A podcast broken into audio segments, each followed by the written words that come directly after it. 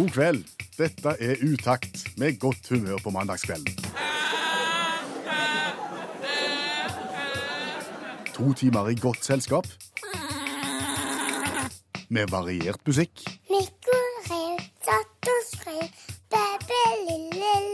Per Øystein Kvindesland. Og Bjørn Olav Skjæveland. Jeg erklærer herved Radioprogrammet Utakt. for åpnet. Vært en lang sommerferie, men eh, han hadde ikke vært så lang hvis det ikke hadde vært eh, for OL, for da kunne vi vært eh, på plass mandag som var. Så det er det jeg sier, OL er urettferdig på mange nivåer. På mange nivåer, faktisk. Er det flere nivåer, bortsett fra det at vi er da ei uke seinere i gang? Altså, OL er blitt urettferdig overfor de som konkurrerer i OL. Det, er det jeg si, det er ikke rettferdig i det hele tatt. Folk konkurrerer på ulike vilkår.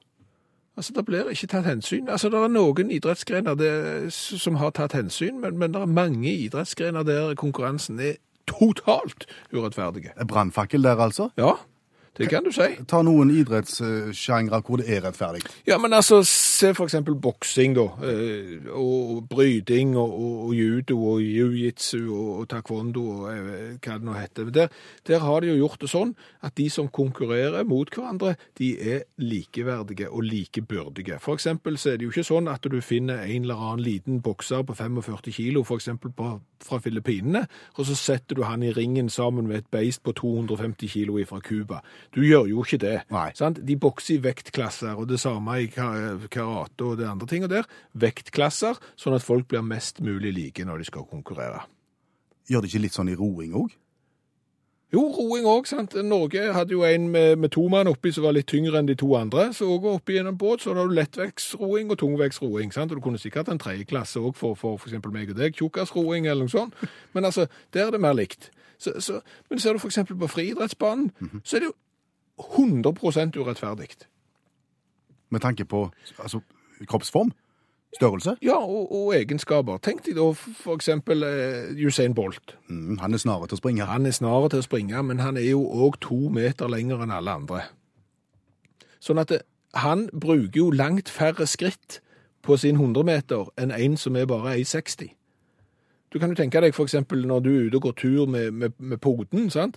Når du har gått tre kilometer, og så har jo du brukt halvparten så mange skritt som poden, så han har jo ne- egentlig nesten gått seks kilometer, sant? Og, og, og det hadde jo vært sånn, litt, litt søkt, men, men, men tenk deg sånn folkeeventyr, sant? Når du hadde en kjempe, et troll som var så stort som bare det. Sånn som sprakk når sola kom. Ja, og sikkert hadde et øye og spiste grøt og sånn. Men det kunne jo stått da på 100 meter startstreken, sant? Og tok ett skritt og vært i mål. Klar, ferdig, gå. Der var jeg i mål. Da hadde jo folk reagert, og de sagt nei, det går ikke, han er altfor svære. Men, men det er jo nesten likt, sånn som det er nå. Og, og det er jo beist som hiver diskos. Det er jo ingen som får lov å hive diskos som er 1,20 høye. Men de får lov, men de er ikke med. Nei, de, er ikke med, de får lov, men de er ikke med fordi at de har ingen mulighet til å hevde seg. Og de har, for eksempel, hvis du ser på, eh, nå skal du snart ha handicap-OL, der har de jo tatt mer hensyn. Der er det jo sånn at de som har like forutsetninger, de konkurrerer mot hverandre. Det hadde jo ikke vært kjekt for eksempel å ikke ha bein og ikke ha armer, og så skulle du springe 100 meter mot en som hadde to bein. Det hadde jo ikke vært rettferdig. Så de har tatt grep. Det må være mulig i den andre idretten òg. OK. Så da ser vi for oss et vell av disipliner, det- det der du må på en måte ha eh, 100 meter for kortvokste. Nei. Du må ha Hvordan skal du løse det, da? Det er ikke vanskelig å løse i det hele tatt. For eksempel, la, la oss se for eksempel på hekkeløp. Ja. Det er mye enklere å hoppe over en høy hekk hvis du er høy. Ja. Da er det jo bare sånn at vi setter opp hekkene, så måler du hvor høy du er før start, og så sier OK, du er 1,68, da skal din hekk være så høy. Du er 1,98, din hekk skal være så høy. Og dermed så vil det jo være likt for alle. Altså det er jo den samme på en måte hekken som er nødt til å hoppes over.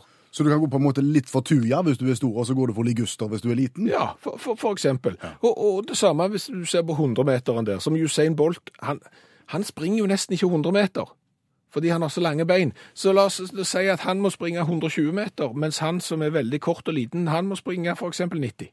Da blir det rettferdig. Ja. Det, har jeg tro på. Neste OL i Tokyo, er det ikke det? Og bare så du vet det, Per Øystein, så har verden omsider fått øynene opp for at nordmenn er et språkmektig folk. Kan du ta den en gang til? Verden har fått øynene opp og akseptert og godtatt at vi nordmenn er et språkmektig folkeslag. Interessant. Ja, Hvordan belegger du påstanden? en juskartong. En ju- juskartong. Ja. Fortell. ja, det krever gjerne en forklaring. Ja, altså men- En, en, en appelsinjuskartong? En appelsinjuicekartong fra selskapet Rynkeby. Det har de kommet på helt sjøl, det, det, det navnet. Og de eksporterer jo juice eh, land og strand rundt. Ja. Det, det, Både jus og varme, tror jeg. kom du på den helt av deg sjøl? Ja. Den var god. Nei, og, og, og på baksida av denne juskartongen så står det jo selvfølgelig eh, hva denne jusen inneholder, og hvordan den skal oppbevares og den slags. Eh, og det står på tysk, og det er jo for at tyskerne skal forstå den. Så står det på engelsk, og det er jo for at engelskmennene skal forstå den. Eh, og så står det på finsk, og det er jo selvfølgelig for at Kan det være fordi at finnene skal forstå den? Ja, nå begynner du å ta poeng her. Eh, Det står òg på svensk. Det er antageligvis fordi at svenskene skal forstå det. Ja, og så står det under en fane der det står dansk skråstrek norsk. Og da står det på Dansk. akkurat. Hvordan tolker du det? Det tolker jeg jo eh, dit hen at alle disse språkene som jeg har ramst opp, eh, tysk, engelsk, finsk, svensk, eh, de må for å forstå det som er skrevet, så må de ha det på sitt eget språk. Ja. Danskene må ha det på sitt eget språk. Skråstrek nordmennene, de klarer seg med dansk. Ja. Det betyr at vi nordmenn er i stand til å forstå dansk uten problem, mens danskene de er ikke i stand til å forstå norsk. Nei. Og det har vi vel vitterlig opplevd i sommer, har vi ikke det? Og vi har jo Jo. Nordmenn på tur i Danmark, eller vestlandsnordmenn kanskje. Du har vært i Danmark, Ja. jeg har vært i Danmark, og erfaringene er like. Ja. Eh, Hvis en forsøker seg på den dialekten som en behersker til daglig, Ja. snakker helt vanlig den danske, så er det stort spørsmålstegn. Da går jeg gjerne over til det som jeg gjør når jeg snakker med, med utlendinger i telefon. Ja, du har en tendens til å gå over på bokmål. Da går jeg over på bokmål, og da snakker jeg gjerne litt høyere, altså med volum òg. Hvordan høres det ut når du snakker bokmål? Nei, da snakker jeg slik, og da, og, og, da merker du når med en gang så, så stiger volumet òg. Og da forstår danskene deg fremdeles ikke. Nei, da svarer de på engelsk. Ja. Ja. Jeg, har vært, jeg jeg skulle spørre om veien til et apotek, Ja. og begynte på dialekt, fortsatte på høyt bokmål, eh, og dansken svarte 'right around the corner'. Ja, og, og, og dette bekrefter jo bare min eh, hypotese, for vi forstår jo danskene når de snakker til oss. Klart vi må av og til tenke oss litt opp når de begynner med fire og halv fjers og sånn, og begynner å snakke om eh, snes, men vi forstår dansk, de forstår ikke oss. Ergo, nordmenn er et språkmektig folk, for vi forstår den eh, teksten. Eh, det samme jeg har vært i Sverige. De skjønner jo ikke en puck norsk. De skjønner ikke rogalandsdialekt, de skjønner ikke bokmål, og vi havner på engelsk. Der òg. Finnene, de er det ingen som forstår. Men, og, men engelsk forstår vi. Har vi ingen problem. Tysk. Jeg har aldri hatt tysk på skolen. Jeg har bare sett Derek. Men du klarer deg litt for det? klar, ja, jeg klarer meg veldig godt. Altså, Jeg har vært på bilverksted i Tyskland og forklart at det er noe galt med slepekontakten bak airbagen i rattet på Derek tysk. Jeg slipper Ja. Det er en Schleifen-kontakten eller et eller annet. Men, men vi gjør oss faktisk forstått, så, så vi nordmenn er ganske gode. Og endelig, ved hjelp av Rynkeby Juice, så, så har de vist at nordmenn er et språkmektig folk. Utakt i NRK P1 hører du, og hvis du har lyst til å si oss noe og nå oss inn i programmet, så har du flere kanaler. Ja, du har iallfall to. Ta, ta og beskriv de kanalene. Eh, Den ene kanalen er en kanal som involverer eh, Short Messaging System, den såkalte SMS-en. Du sender en SMS til 1987 og starter meldingen med utakt, og så skriver du det du har eh, på hjertet. En annen måte er jo å bruke en relativt moderne liten plattform som kalles Facebook. Gå inn på Facebook og søke opp utakt med skråblikk i fokus. Bli venn med oss der, og så sender du de meldingene som du har, eksempel hvis du synes at programmet var alle tiders, men mangler for eksempel tysk trekkspillmusikk, så, så kan du melde om det, og skriv det du har lyst til. Ja, og der legger vi ut filmer, der legger vi ut bilder, der legger vi ut ymse som du kan følge med på, og blant annet så legger vi ut meningsmålinger når vi finner det nødvendig. Ja, og, og i uka som var nå, før um, denne, dette programmet i, i dag, så la vi ut en eh, spørreundersøkelse på Facebook der vi spurte deg som hører på, eh, hvilken sang beskriver sommeren og må være med i høstens første uttaktprogram. Ja, for vi har jo noe, en, en, en teori om at folk har opplevd den sommeren som nå er over, ganske ulikt. Både med tanke på vær og med opplevelser. Ja, noen har gjerne reist utenlands, eh, vært eh, i Syden, som det også kalles. Der har det vært godt og varmt. Noen har kanskje vært på Vestlandet, opplevd at eh, er vi nødt til å få all nedbøren her. Mm. Det har vært eh, kaldt. Og vi la da ut eh, en eh, seks sanger som eh, hadde titler som ville være veldig beskrivende for, for en del scenarioer. Ja. Kandidat 1, eh, Phil Collins med 'Wish It Would Rain Down'. Ja, Ja. eh, En sang for de som har vært i Syden, eksempel, og bare opplevd tørke. ja. Eh, Creedence med 'Have You Ever Seen The Rain'. Ja, litt det samme. Eh, Bare et, de, bare et litt annet tiår, så de kan være eldre, de som har vært i Syden og opplevd tørke. Ja, men, de- men, men de, de lengter til regnet der òg. Ja. Det er det du vil Ja, det er til? jeg vil frem til. Ja. On the beach, du er fortsatt i Syden. Ja, det er mye Syden nå, foreløpig. Ja, da er de som har hatt godvarme. Så har du da Summer Moved On med a-ha.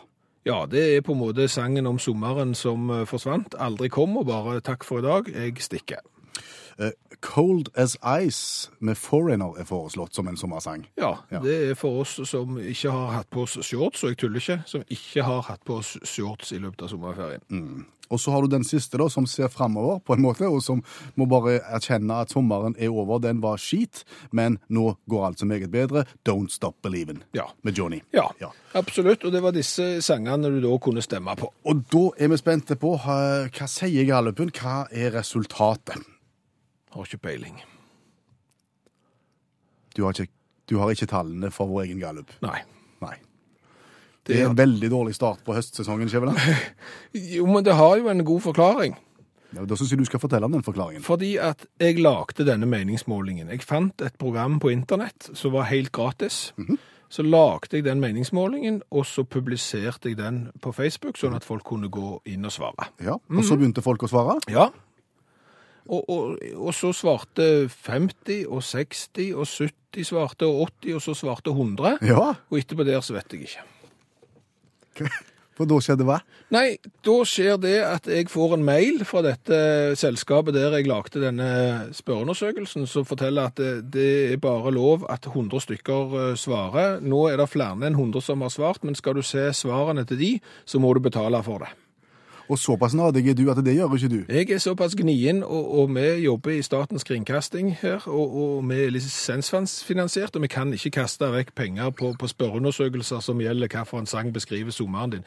Så dermed så vet vi rett og slett ikke hvilken sang som gikk av med seier. Nei, men Går det an å si noe om tendensen på de første 100 som- var gratis? Det høres ut som en sånn, da tror du at jeg er sånn en eh, politisk kommentator, og så skal komme en sånn valgdagsmåling, og det, Altså, De første 100, det har du resultatet. Ja, det er Have You Ever Seen The Rain? Eh, 28 eh, stemte for Creedence sin sang, mens eh, 21 eh, stemte for Don't Stop Believing med Journey, og ser på en måte at sommeren forsvant og gleder seg til en nye. Og 19 eh, hadde hatt det fint og sånn, og hadde stemt på Wish It Would Rain Down med Phil Collins. Men vi vet at mange flere hundre har vært inne og stemt her, som vi da ikke har fått stemmeseddelen til, så vi vet ikke hva de har stemt. Nei, eh, altså jeg får bare eh, en mail fra, fra dette selskapet som forteller at svært, svært mange har eh, stemt, og hvis du vil se svarene deres, så må du betale, men det har jeg ikke gjort, for jeg tror jeg vet hvem som vant. Ja, For at etter det vi har grunn til å tro, så, så er den sangen som beskriver folks sommer aller, aller, aller best, er Det er Don't Stop Believing med Journey. Det, det har vi ingen grunn til å tvile på, selv om vi ikke vet det. Og hver eneste mandag i dette programmet her så får vi besøk av allmennlærer med to vekttall i musikk, Olav Hove. Olav hjelper oss med det som ikke vi behersker. Ja, stemmer ikke det, Olav? Jo, det stemmer delvis. Og du er godt i gang med, med høstsemesteret. Det har vært en god ferie, skråstrek avspasering for allmennlæreren. Ja, ja, ja, ja. åtte korte uker, så er det over. Det er sånn det er. Men nå er vi i gang selvfølgelig med bånngass og allmennkunnskap og ja da, matte og norsk og Men, men, men du ville ikke snakke om eh, Reform 94, fikk jeg beskjed om før du gikk i studio her. Du ville snakke om OL. Ja, litt grann ta opp om OL, for vi prøver jo på en måte å realitetsorientere folk her. Det er jo eh, noe av det en driver med. Og eh, jeg leste meg litt opp på OL, for jeg tenker hva blir ettermælet her i dag? Så jeg har lest litt utenlandske nettaviser og sånne ting, og, og, og, og, ser en tendens. Hva som blir ettermælet. Det står mye om at det var mye kjekt i Rio, men, men, men det var kaotisk. Ja, det var jo ikke alt som var ferdig, og det var vel ikke alt som ble eh, ferdig, og det gikk litt på kryss og tvers. Kameraer som så datt ned og traff folk og den slags. Ja, Basseng ble grønne og sånne ting. Og, Ja. ja, mhm. Sier du at dette ettermælet er urettferdig for Rio?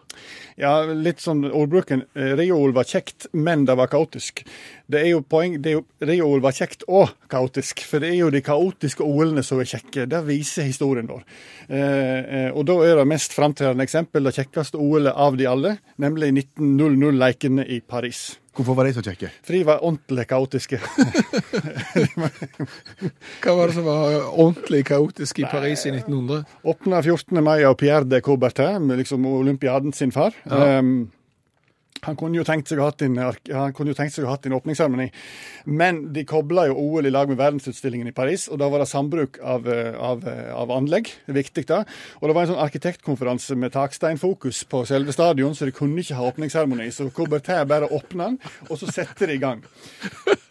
Taksteinkonferanse. Ja, det har økt til. Men det er jo bare fint. Det kunne flere tenkt på, syns jeg. Sånn er vikingskip og alt det der. Men så, så er jo Og, og 1000 utøvere fra hele verden kom. Ikke hele verden, det var 28 nasjoner, for så vidt. Det var ikke så mange. Og de er stilt opp i, i, eh, i Og nå skulle jeg sagt hvor mange idretter det er, men det var egentlig ingen som veit. Fordi det var det som skjedde, det, og da kan jeg gi deg som et, råd Hvis du arrangerer OL og verdensutstilling i samme by samtidig, så har det en tendens til ikke bare å bli sambruk, men òg bli samrøra. For her ble det øvelser eh, litt i hutt og pine. De gikk over hverandre. Og i tillegg, når pressa er litt usikker på OL, hva er egentlig det for noe? Hva kaller vi dette greiene? der? Skal vi bare kalle det OL og lignende? Hva gjør vi? Så pressa og kalte det for olympiske leker, VM i OL, Grand Prix, olympisk Grand Prix, masse slike ting. Så en visste ikke helt hva som var greia, hva som var OL, hva som var verdensutstillingen, hva en konkurrerte i. Og det sies den dag i dag at det er flere folk som har blitt olympiske mestere i Paris i 1900, som er døde og veit ikke om at de var olympiske mestere. Eh, mens, mens andre som trodde de var olympiske mestere, de ble nok ikke det for ettertiden. Blant annet de som vant fisking, de ble ikke registrert som olympiske mestere, selv om de ble kåra som olympiske mestere. Men, men jeg har òg hørt at i forbindelse med OL i Paris, så, så var sauegjeting eh, en OL-gren. Eh, Medfører det riktighet, eller var det bare en utstillingsting i, Nei, var- i forbindelse med Det var nok verdensutstillingen, men du ble olympisk mester i sauegjeting, ja. Men det var en kort periode, sammen med puddelklipping, for så vidt. Levende dueskyting, som òg var kanskje ikke spesielt smart. Det var mye mye da folk vann, ble olympisk mester i livredning, f.eks., som, som er helt slutt på. Det, det rulla og subba, og alt gikk galt, og det var ikke så mye. Det som var størst skadefravær på, det var maraton, fordi at en kan ikke stoppe trafikken, må vite. Så en sprang mellom biler, mye skader, mye til sykehus. Eh, så sprang de to og en halv mil på gjørmete jorde, egentlig. Mer eller mindre. Og, og de som kom i mål, så ut som eh, Ja, de var fullstendig fulle gjørme, bortsett fra de doble franske mester, De som vant gull og sølv til franskmennene, de var helt reine. Eh, Hadde ikke tatt bussen. Det lovde de ettertid, men olympiske mestere ble de. Men, men det var det komplette kaos, sier du, og fordelen var vel òg at det varte lenge. Ja, det gjorde det. Eh, Coubertin foreslo skal vi ta en avslutningsseremoni. Da sa vel de som var rundt der at nei, nå begynte vi i mai, nå er det 28. oktober. Jeg tror vi bare gir oss. Tusen takk til allmennlæreren med to vekttall i musikk, Olav Hove, for denne utgreiningen. Perspektiv er viktig i dette programmet. Skjæveland, sommerens store farsott som veldig, veldig, veldig veldig mange har bedrevet. Pokémon Go. Er Det er et godt forslag, men det var ikke det jeg tenkte på. Nei. Prøv, prøv igjen, da. Jeg prøver igjen, ja. Sommerens store farsott som veldig, veldig stadig flere har benytta seg av. Ja. Airbnb. Svaret er korrekt. Det er bra. Hva er Airbnb? Airbnb det er et eh, nettsted eh, som du melder deg inn i. Eh, Hvis du f.eks. har et hus, ei hytte, en leilighet, en campingvogn eller ei seng til overs, så melder du den inn der. Så sier du her kan folk komme og få bo hvis de betaler for seg. Eventuelt så kan du gjøre sånn som meg. Du kan være to døgn vekke fra København og så tenke at hadde vært kjekt med en plass å bo, gitt. Så går du inn på Airbnb, og så finner du ut at Kim i Danmark, i København. Han leier ut huset sitt, og så betaler du for det. Ja. Det er Airbnb. Yes. Det jeg har hengt meg opp i, det er navnet på firmaet. Navnet på firmaet. Ja, altså Airbnb. Ja. Eh, Jeg tenker, Når du ser det for første gang, det er jo ikke innlysende at ah, dette her er et firma hvor du kan kjøpe og, eller du kan leie eller leie ut bolig. Nei, det er nok gjerne ikke helt tydelig. Hadde det liksom hett Rent a Home og Vacation.rent eller noe sånt, så hadde du kanskje skjønt det litt bedre enn hvis det var Airbnb. Ja, Finn.no, kjøp og salg, er på en måte et bedre Ja, Du skjønner iallfall at det er noen som er på le- på leid etter noe. Men kjøp og salg er nok enda tydeligere enn Finn. Ja, det kan du si. Pål er mer tydelig igjen Veldig. enn Finn. Men Airbnb, Skjæveland Ja. ja. Eh, Det er mulig vi er veldig i utakt med folk her, men vi vet ikke hvor det uttrykket stammer ifra, egentlig. Vi vet hva det handler om, men vi vet ikke hvor det kommer fra. Nei, eh, og, og eh, vi har eh, bevisst ikke søkt opp på internett for å finne ut av det, for vi tenkte nå skal vi prøve noe som kalles deduksjon. Ja. Det har vi ikke prøvd på mange, mange år. Og det betyr om vi klarer å tenke oss fram til hva Airbnb står for. Mm. Skal du eller jeg begynne? Kan jeg begynne, jeg vil gjerne begynne bakfra. Ja, vær så god. BNB. Jeg tror, uten å ha sjekket som sagt, at det kommer fra engelsk, og at det henspeiler på bed and breakfast. BNB, bed and breakfast. Jeg ser jo at det er, det er et smart forslag det du lanserer der, men jeg kan jo ikke skjønne at det er rett, for det, for det er jo ikke innhold i det. Altså, det, det stemmer jo ikke. Altså, du, du har jo selv, jeg har ikke prøvd det, men du har erfart det. Ja. Du leide via Airbnb i var det, var, bed, var det både seng og frokost med i pakken? Nei, det var seng. Det var ikke frokost. Det lå mat igjen i kjøleskapet, men det var ikke vår. Og, og det var ikke for å, å ta. Så, så det var ingen frokost. Det var no bacon, Ja. men uh, mye bed. Kan det være bed no breakfast? Bed no breakfast. Ja. Høres jo litt Ja, ja, Det er ikke tosje. Nei. Det er mye rettere. kanskje. Bed no breakfast. Bed no breakfast. Og La, la oss holde på den, da. ok, hvor kommer Aaron inn her, da? Det er ikke godt å si. Altså, Min teori er at denne airen henspeiler på at du går inn på internettet, som jo bare flyver uti der en plass i eteren, og er tilgjengelige for alle. Så det er på en måte luftens bed and breakfast du søker på. Luftens bed no breakfast. Ok. Og så tenker jeg, Det, det som er vanskelig med det, er jo at når du får, når du får et sånn et uttrykk som det der, så, så blir det jo ofte gjort til et verb. Ja, og Airbnb-er. Ja, det er vrient, og Airbnb det er så tungvint. Ja, det er litt som å joie. Joie, joie, joide har joid. Airbnb er bia har bed. Nettopp. Eh, skal vi, men skal vi søke? Ja, altså, vi går for Ja, greit. No break, bed, no breakfast i lufta. Jeg går inn på internettet nå, jeg. Skal vi se. Where did the Airbnb get its name? Ok, -hmm. OK. ikke sikkert det står her, så jeg må gjerne sitte lenge og lete. Eh, Air, bed and breakfast. Det var to karer her, uh, Brian og Joe, som begynte med å lage en nettside som de kalte for Air, bed and breakfast. Og så ble det kortere og kortere, så ble det Airbnb. Ja vel. Skjæveland, Ja. jeg sitter og leser følgende overskrift fra Dagbladet litt eh, tidligere i måneden.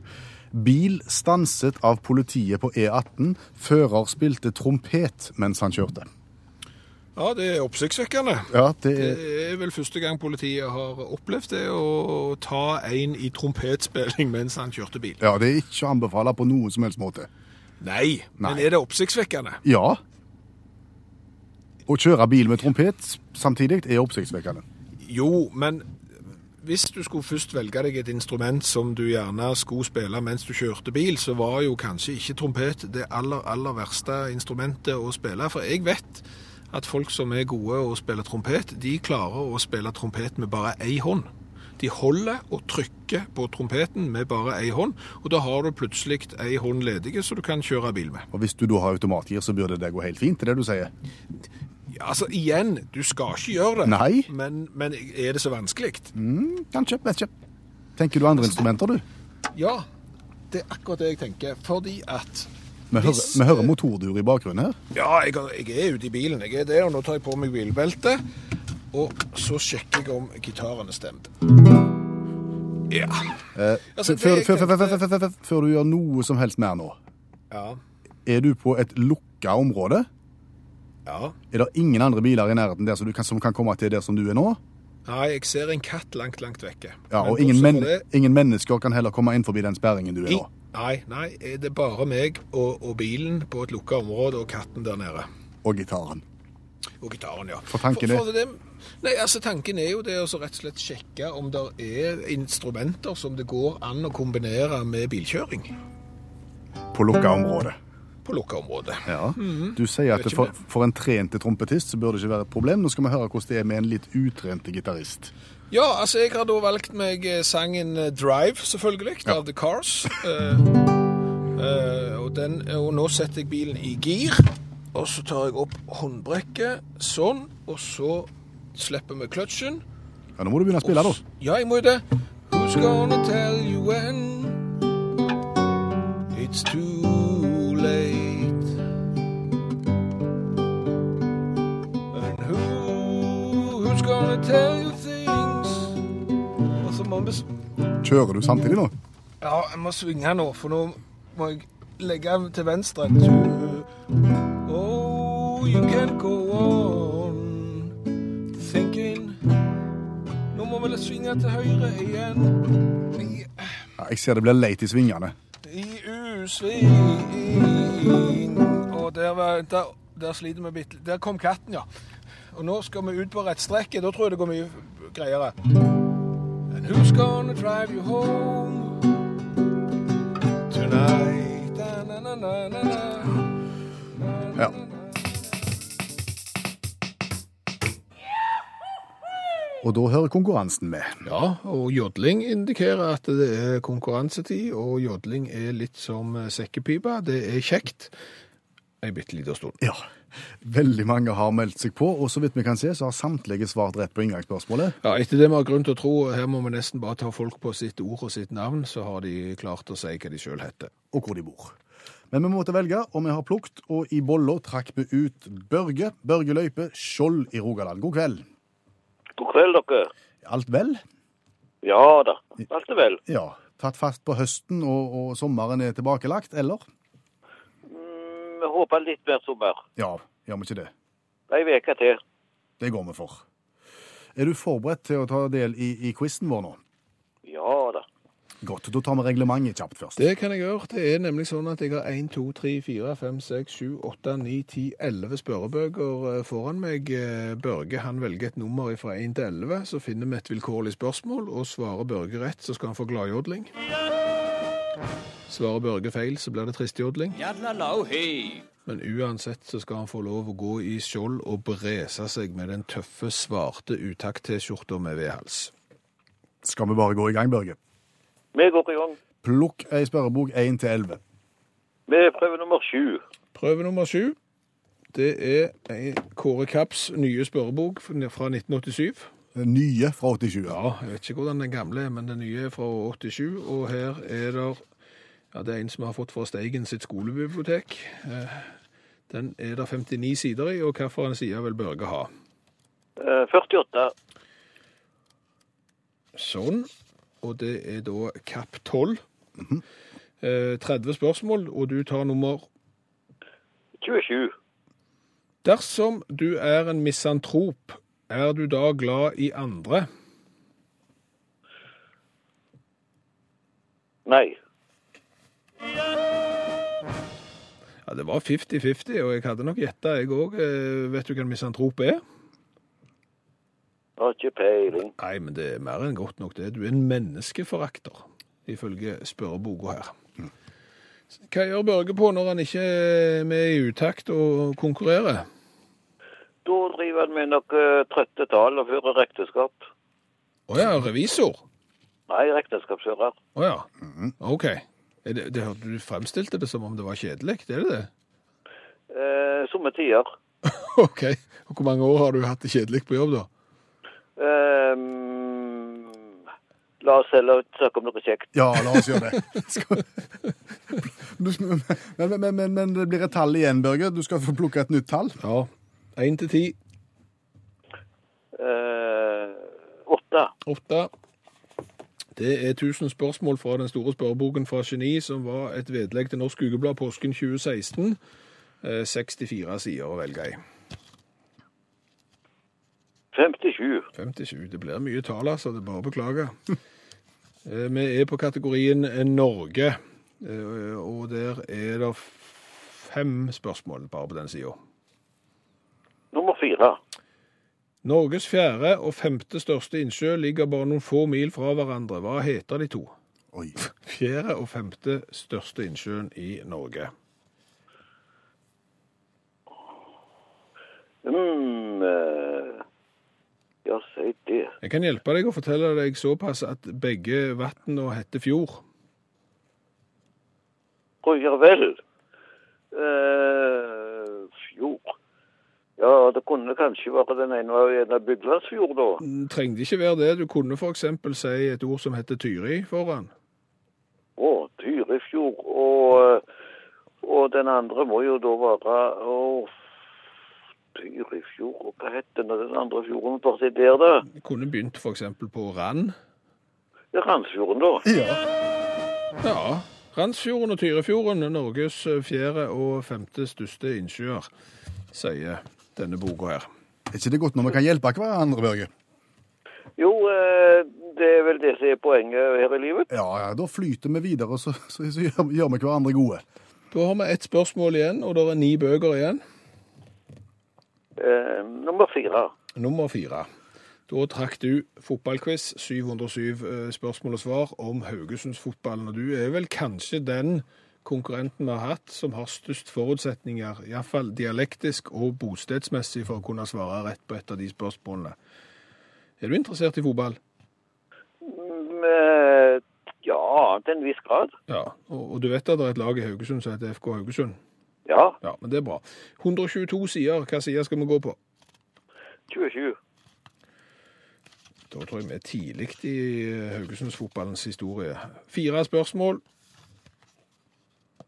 Om tar nummer Nummer fire. Da tar vi nummer fire, da. Ja. Vi er på Haugar i eh, 1980-åra. Hvem er personen på bildet? Og jeg sier Nei, det er litt vanskelig på radio, så vi går på neste spørsmålet da. Eh, Kvalikplassen ble sikret i aller siste serierunde borte mot Mo. Hauga vant 1-0. Hvem skåret målet? Var det Peter Osborne, Dag P. Kristoffersen eller Tor Nilsen? Vi så, går på det første der. ja, jeg, jeg har ikke peiling, for det er så utrolig mange sider i denne boka, og svarene står ikke rett etterpå. Så nå må jeg bla side 87. Utrolig dårlig radio, dette. her. Ja, Det er det er radiofaglig veldig svakt. Ja, jeg blar til side 87, og du sa at svaret var Den første der. Peter, Peter, Peter Osborne. Ja. Oi sann. Ja, det var Tor Nilsen. Ja, han kan ikke ha gjort så mye bemerka. Men, men da vet vi det. Ja. At det var Tor Nilsen som skåret i den avgjørende kampen, kvalikkampen borte mot Mo.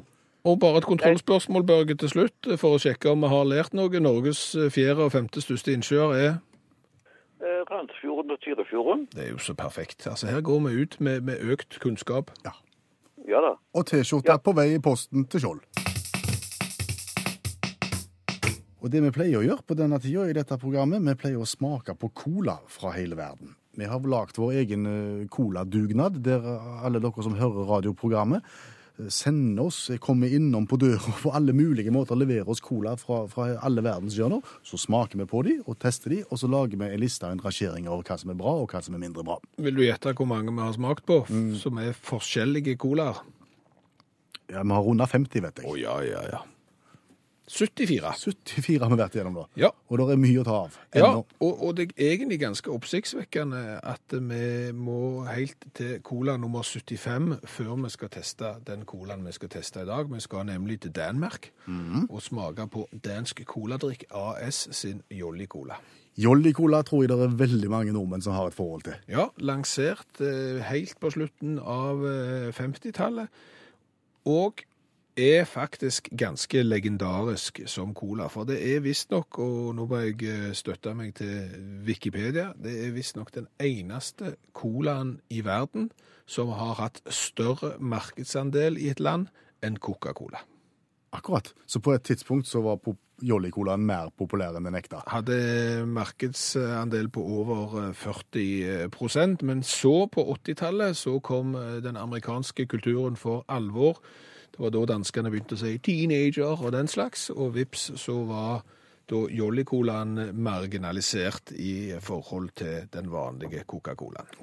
Men mange har drukket Jolly Cola på ferie, og mange har drukket Jolly Cola på ungdomsklubben, for det var jo gjerne det som ble servert da. I 0,25 flasker. Yes.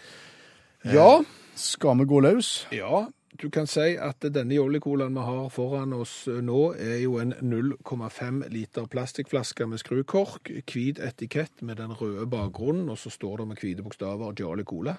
Vær litt forsiktig, den har vært over Skagerrak i friskt vær. Ja, men det så ikke ut som den hadde Den har den klassiske logoen. Den har den klassiske logoen, og den har kullsyre. Det er jo alltid et godt utgangspunkt. Det er få ting i verden, bortsett fra melk, som ikke har blitt bedre med litt kullsyre. Det vi nå gjør, nå smaker vi først og gir karakter fra 1 til 10, og så skal vi gi karakter fra design etterpå. Og den, den lukta sånn som den gjorde før.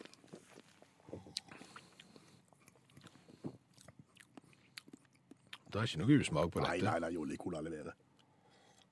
En liten smak av, uh, tyggegummi hvis du skal Men da, for å si det sånn, vi har smakt så mye vond cola at dette her hadde Jeg mener at smaksmessig så er dette her, her i, i toppklasse. Altså, Jolly-colaen oppsto jo da de skulle utkonkurrere Coca-Cola. Det var 18 danske bryggeri som gikk sammen om å danne denne danske coladrikk for å utkonkurrere colaen. Og de klarte det jo en stund, men så har de mislykkes. Men dette var ikke verst. Nei, nei, nei. Jeg er villig til å gi en åtter i smak til Jolly Cola. Såpass mye? Ja, Nei, det, det, det ble for mye. Jeg gir eh, sju. Mm. Eh, Fins overhodet ikke kult, dette her. eh, produktet som de har salt opp her. Plastikkflaske med en stusslig hvit etikett på. eh, Kan ikke gi eh, mer enn eh, fem. Midt på treet. Nei, nå gir du for designet, altså. Ja, designet på flaska. Jeg tror jeg løfter eh, designet ett prosentpoeng, holdt jeg på å si, opp til, til seks. Ja, hvor mye med, får du med, da? med retroeffekten. Altså, da har vi da fem og seks. Da har vi 11 pluss 15. Da ender vi på totalt 26 poeng 26 poeng. mm, Det er 1, 2, 3, 4, 5 delt sjetteplass sammen med tre andre. Sammen med den vanlige Coca-Colaen fra Thailand, Dublin Vintage Cola fra Texas, Tu-colaen fra Los Portales i Cuba og Boylan Kane Cola fra USA. Der plasserer Jolly-colaen seg. Det er fint, fint, det. Finfint, det. Ja. Danskene kan det. Kjenner du barnesangen, eh, Skjæveland, 'Den dumme mann bygget huset sitt på sand', Nei, og regnet øste ned? hva skjer så? Nei, det går ikke bra med huset hans, det velter, vet du. Den dumme mann bygget huset sitt på sand. Det er jo basert på, på Bibelen. Ja, Det sies nå at hus som, som blir bygd på, på stein står, mens hus som blir bygd på sandgrunn, det faller. ja. Det var Det, det. var noe der med at du også skulle Det var noe spre sæden din på et eller annet. Det er, no, det er noe helt annet. OK. Så du må ikke blande det, altså. Ikke på noen måte. Nei, greit. Nei. Eh, Men den- med hvor du vil hen? Nei, jeg, jeg, jeg gikk Vi har jo vært i Danmark en del i dette programmet. Det tror jeg folk har fått med seg, og hvis de ikke har fått med seg, så vil jeg gjerne si det nå. Eh, Vi har vært i Danmark. Ikke sammen, men Per Øystein har vært i Danmark, og jeg har vært i Danmark. Ja, det var mens jeg vandra Randers. Ebeltoft. Lønstrop. Ok. Det var mens vi vandra mellom husene i Lønstrop Ja. at det slo meg. Den dumme mann bygget huset sitt på sand. Det spørs om den barnesangen nådde danskene. Fordi der er det Alle hus er bygd på sand. Det er jo ikke annet enn sand i Lønstrup, og der står husene tett i tett i tett i tett. på sand. På sand. Står de godt, tenker jeg. De står jo der ennå, så Ja, de gjør det. Og de har jo hatt uh, regn og, og van. Eh, men, men det kan jo hende altså Nå kan jo ikke jeg eh, danske sånne forskrifter for bygging. Eh, om de skal ha fuktsperre, om de skal ha eventuelt krav om ventilasjon, om de bygger etter TEK 10-standarden eh, eller andre ting. Men, men du vet jo det at i, i Norge så er det jo sånn at eh, hvis ting ikke skal bevege seg, så skal du stå på frostfritt. Ja. Så du bygger gjerne en grunnmur eh, her nede hos oss i Rogaland, jeg vet ikke om det er likt overalt i landet, så er det jo sånn at eh, frostfritt er halvannen meter. Så du graver grunnmuren, ringmuren ned på halvannen meter. Det kan jo hende at danskene har regler om sandfritt. ja, rett og slett sandfritt, ja. At eh, Jeg vet ikke hva sandfritt er, jeg. jeg. har 1,70. Muligens. Altså, de perler, vil jeg tro. Tror du de perler? De perler nok. Det heter kanskje ikke perling på dansk, men jeg tror det er det de gjør. Tror du det? Ja, men da må du perle langt, tenker jeg. Ja, men det, altså, det er noe som slår meg at vi har noe i Norge som heter sams masse. Jeg, jeg, jeg, jeg har bare hørt det. Jeg, aner ikke helt hva det er, men jeg lurer på om sans masse det er stein og sand og pukk. Pukk er litt større enn sand, men mindre enn stein. Jeg trodde det var en moped. Ja, det er det òg. Pukk er ikke møkk. Men, men, men det, da kan du legge en sånn plate rett på så du støyper, hvis du har sams masse. Og hvis sams masse er stein, pukk og litt sand, kanskje, så er det mulig at alle tomtene til danskene er ferdige sams masse. Og de har jo øy som heter Samsø. Her kommer det fram eh, teorier som, som kanskje kan forklare hvorfor eh, danskene faktisk får til å bygge på sand. Nå skal du høre en ting, sa du. Ja. Apropos Bibelen, der vi begynte. Ja. For vi skal tilbake til Lønstrup. Lønstrup, ja. Ja, for i Lønstrup, Ja. der sto det i kirka. Sto i kirka. Ja, den står ikke lenger nå. Nei, hva ikke? For den var i ferd med å gå sunt, og, bli, og dette fra hverandre, på grunn av at den sto på sand. Så det de måtte gjøre, danskene, før dette her ble ferdig, de måtte rive den. Den er god. Ja, Kan du tenke deg den presten da, som står der på søndag og har preken i, i Launstrup, og, og, og forteller om at du ikke må bygge på sandgrunn, du må bygge på, på steingrunn. For, men, men neste søndag så blir det ikke gudstjeneste her i, i denne kirka, fordi at eh, kirka skal rives. For vi har, har ikke lest Bibelen, vi som konstruerte den. Vi har bygd på sandgrunn. Eller er mulig de burde pelt den. Satt den på sams masse. Dotoms fire med spikerslag. Og vi har fortsatt besøk av vår faste mandagsgjest, allmennlæreren med to vekttall i musikk, Olav Hove. Du holder stand. Ja visst, ja visst. Vi snakket litt om eh, OL tidligere, og slo fast at det er de kaotiske OL-ene som er de kjekkeste. Vi var i Paris i 1900. Ja, det er så kjekt. Ja. Absolutt. Eh, Dette OL-et som eh, ble avslutta i går kveld, eh, det har jo vært det OL-et som blir kalla en fiasko på norske vegne. I dag er avisene fulle av alle som må gå, og alt som må gjøres for at Norge igjen skal bli en vellykka sommeridrettsnasjon. Men du mener at vi har ikke vært så dårlige i dette OL? Nei, det var ikke galt. Vi gjorde det jo bedre i Paris, da. Da fikk vi fem medaljer. I Eller- 1900? Ja, eller de glemte å bestille medaljer i 1900, så alle fikk kopp. Fikk, Men- fikk de kopp? Fikk kopp, ja. Hadde noen trofé òg. Blant annet i dueskyting og, og puddelklubb. Men, men ellers så var- fikk alle Men, kopp. og vi var bedre faktisk i, i 1900 enn vi var i Ja, fikk fem medaljer. Ole Østmo fikk fire i skyting. Ellen er litt usikker, for to av de var såkalte stillingsmedaljer. Og den dag i dag er det ingen som vet hvilken stillingsmedalje er, men uh, greit nok. Eh, Men, men drar man inn i moderne tid, nå til dette Rio-OL, Ja, ja, ja, der Norge var kjempedårlige, sier folk, så, så mener du at vi ikke var så dårlige? Nei, hvis en ser litt, hvis en litt perspektiv og ser på medaljeoversikten, så er det jo nummer 73 i verden, og det er ikke galt. Det er jo 147 land som er dårligere oss. Og det er jo 11 land bare på B som har har gjort det dårligere, f.eks. Altså, Det er det ingen som har nevnt, at det er elleve land på B som er dårligere. Nei, men det er en tendens, altså. Det såkalte BMS-syndromet, det har jeg funnet på sjøl. Men, men, men både land på B, M og S gjør det dårlig OL altså, i forhold til Norge. Spesielt S. 18 land på S som, som ikke har tatt medaljer. Helt tatt både St. Kitt og Nevis, Santa Lucie, St. Vincent og Grenadinene. Salamonøyene, Samoa, San Marino, Sao Tomé og Prinsippet. Kjenner de til det? Prinsippet ikke på S. Hæ? Jo, Sao Tomé og Prinsippet. Å, det henger ja. i hop, ja, ja visst. Sa, sa du Santa Lucia? Ja, jo, det, altså, Hva de har vært det, jo? Saint Lucia. Prøvde å få OL-medalje i, i tog. Men, men, men Ja, hva folk er det disse nasjonene har sendt, og hva, hvorfor har de ikke klart å få medalje på verken Nei. Santa Lucia eller de andre? Nei, de stiller jo opp i litt, eh, litt sære ting. Det er mye skyting kan jeg eh, medføre. Mye skyting og kampsport, eh, bryting og sånne ting. Og da er det jo andre land som er bedre. U-land er jo veldig gode. Altså U-navn, land med U gjør det jo så alltid er jo, eh, Så det er en fordel. Hvis du skal opprette en ny stat, finn på et U-navn, så er det jo ganske stor sjanse for at du gjør det rent bord før U-landene har gjort det godt. Både USA, Ukraina og, og Ungarn har gjort det bra. Eh, Med unntak av Uganda, kanskje, da, som, eh, som ikke har gjort Som det. er både et u-land og et u-land. Både er et u-land og et u-land.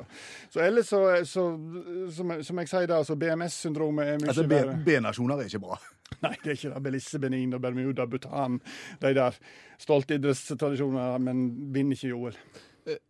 Er det da et forslag som jeg kanskje kan henge på dine skuldre om at Norge bør få en U foran, så er vi plutselig en OL-nasjon som er verdt å regne med. Ja. USA eksempel har jo en del medaljer Ja, på toppen ja, av ja, ja. lista. For N-landene tradisjonelt gjør det dårlig. Den er jo et fint eh, kobbel med N-land. Norge, Nigeria, Nord-Korea, Nepal.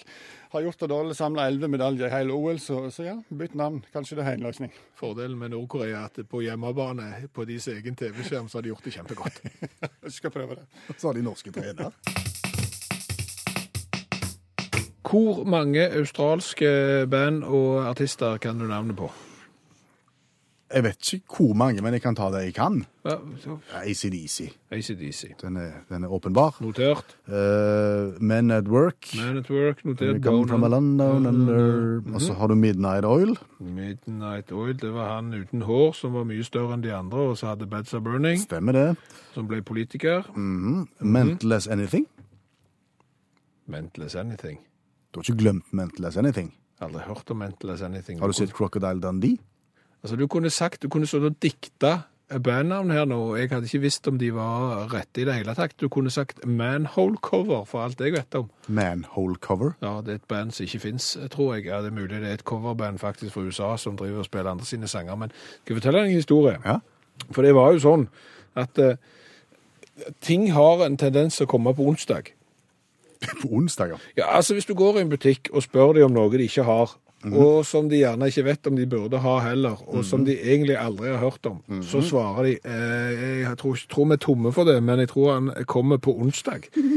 Eh, og bare for å teste denne hypotesen, så var det en kamerat av meg som eh, gikk konsekvent inn på forskjellige platebutikker og spurte om de hadde den siste, eh, siste plata til Manhole Cover, som er engelsk og betyr kumlokk.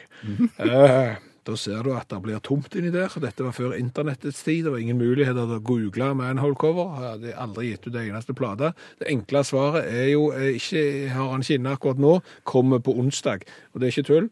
Nesten samtlige platebutikker sier at manhole cover-plata kom på onsdag. Jeg tror ikke han er kommet ut ennå. Men Mental as i et band. Er det det? Ja, ja. Live It Up. Live it up. Hey there, you with a sad face. Come den, up ja. to my place. And live it up. John Farnham, Kylie Minogue. Ja, nå tror jeg vi har vært innom egentlig alt som finnes av Australia, bortsett fra Joel Adams. Og hvorfor snakker vi om Joel Adams? Vi snakker om Joel Adams fordi at eh, Thea hun eh, sendte oss en melding på Facebook-sida vår, eh, utakt, og så spurte hun om vi ikke kunne være så utrolig, utrolig greie å spille han Joel Adams med sangen hans Please Don't Go. Han er da fra Australia. Og det fine med utakt er at du kan lære en del ting. Det er ikke alltid det er nyttig, det du lærer, eh, men av og til så kan du òg lære noe nyttig. Og i dag så har vi snakket om hvordan klarer danskene, og sannsynligvis andre enn danskene òg, å bygge på sandgrunn. Mm, For vi har jo sagt at en dumme mann bygget huset sitt på sand. Ja, og ei kirke i Lønstrup eh, som måtte rives fordi han sto på, på sandgrunn. Eh, her er det en som forteller det. Danskene lager grunnmuren som en T opp ned. OK. Se for deg en T, og så snur du den opp ned, og så er det på en måte bånden av eh, grunnmuren. Da får du samme effekt som en truge, sånn, som presser nedover mot grunnen. Og trykket blir mindre enn på en vanlig tynn grunnmur når du da har denne opp-ned-T-en. Og dermed så kan huset stå på sandgrunn. Forteller denne SMS-en som er sendt til 1987, og som er starta med utakt. Skal jeg kjøre vignetten nå? Ja, gjør det.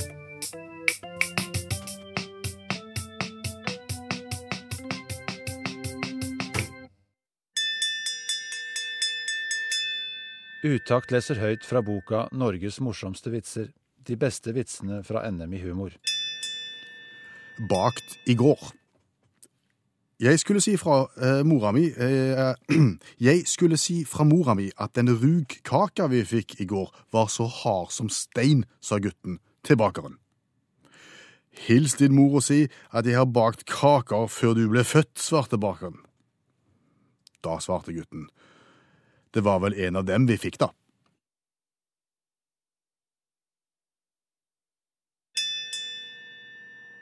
Du har hørt Utakt lese høyt fra boka 'Norges morsomste vitser'. De beste vitsene fra NM i humor.